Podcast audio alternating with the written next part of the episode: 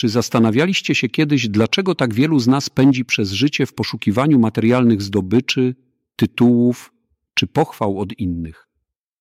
Może myślimy, że jeśli tylko zgromadzimy wystarczająco dużo takich trofeów, to zasłużymy na jakąś mega słodką niespodziankę? Albo dobiegniemy do pałacu magika, który wyczaruje nam złotego królika? Ale co się stanie, jeśli okaże się, że ten królik nie jest prawdziwy? Zgromadziliśmy się dzisiaj, aby razem zagłębić się w słowa apostoła Pawła zawarte w trzecim rozdziale listu do Filipian. Paweł, który mógł pochwalić się imponującym CV, mówi nam coś zaskakującego o prawdziwej wartości. Apostoł zdobył w swoim życiu wiele odznaczeń.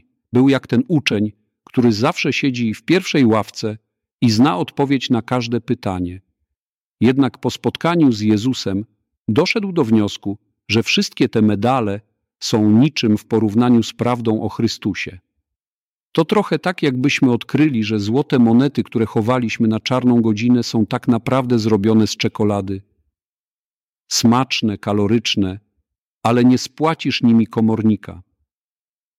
W dzisiejszym świecie wielu z nas dąży do osiągnięcia sukcesu, uznania, pozycji. Ale czy te rzeczy naprawdę definiują naszą wartość? Dobra fura, markowy strój, wypasione mieszkanie – Świat jest pełny samotnych ludzi gubiących się na salonach swoich wielkich rezydencji. A może by tak postawić Jezusa na szczycie listy swoich marzeń?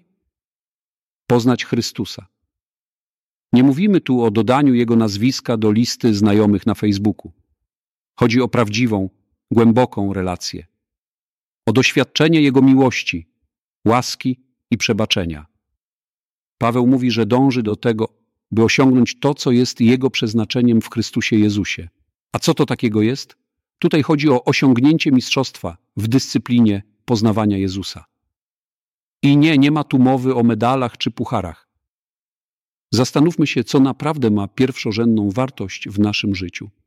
Jeśli jesteś tym, co posiadasz, co jesz i czym się chwalisz, to pamiętaj, że te czekoladowe monety mogą wcześniej zjeść szczury. Prawdziwa wartość, jaka płynie z poznawania Jezusa, jest wieczna.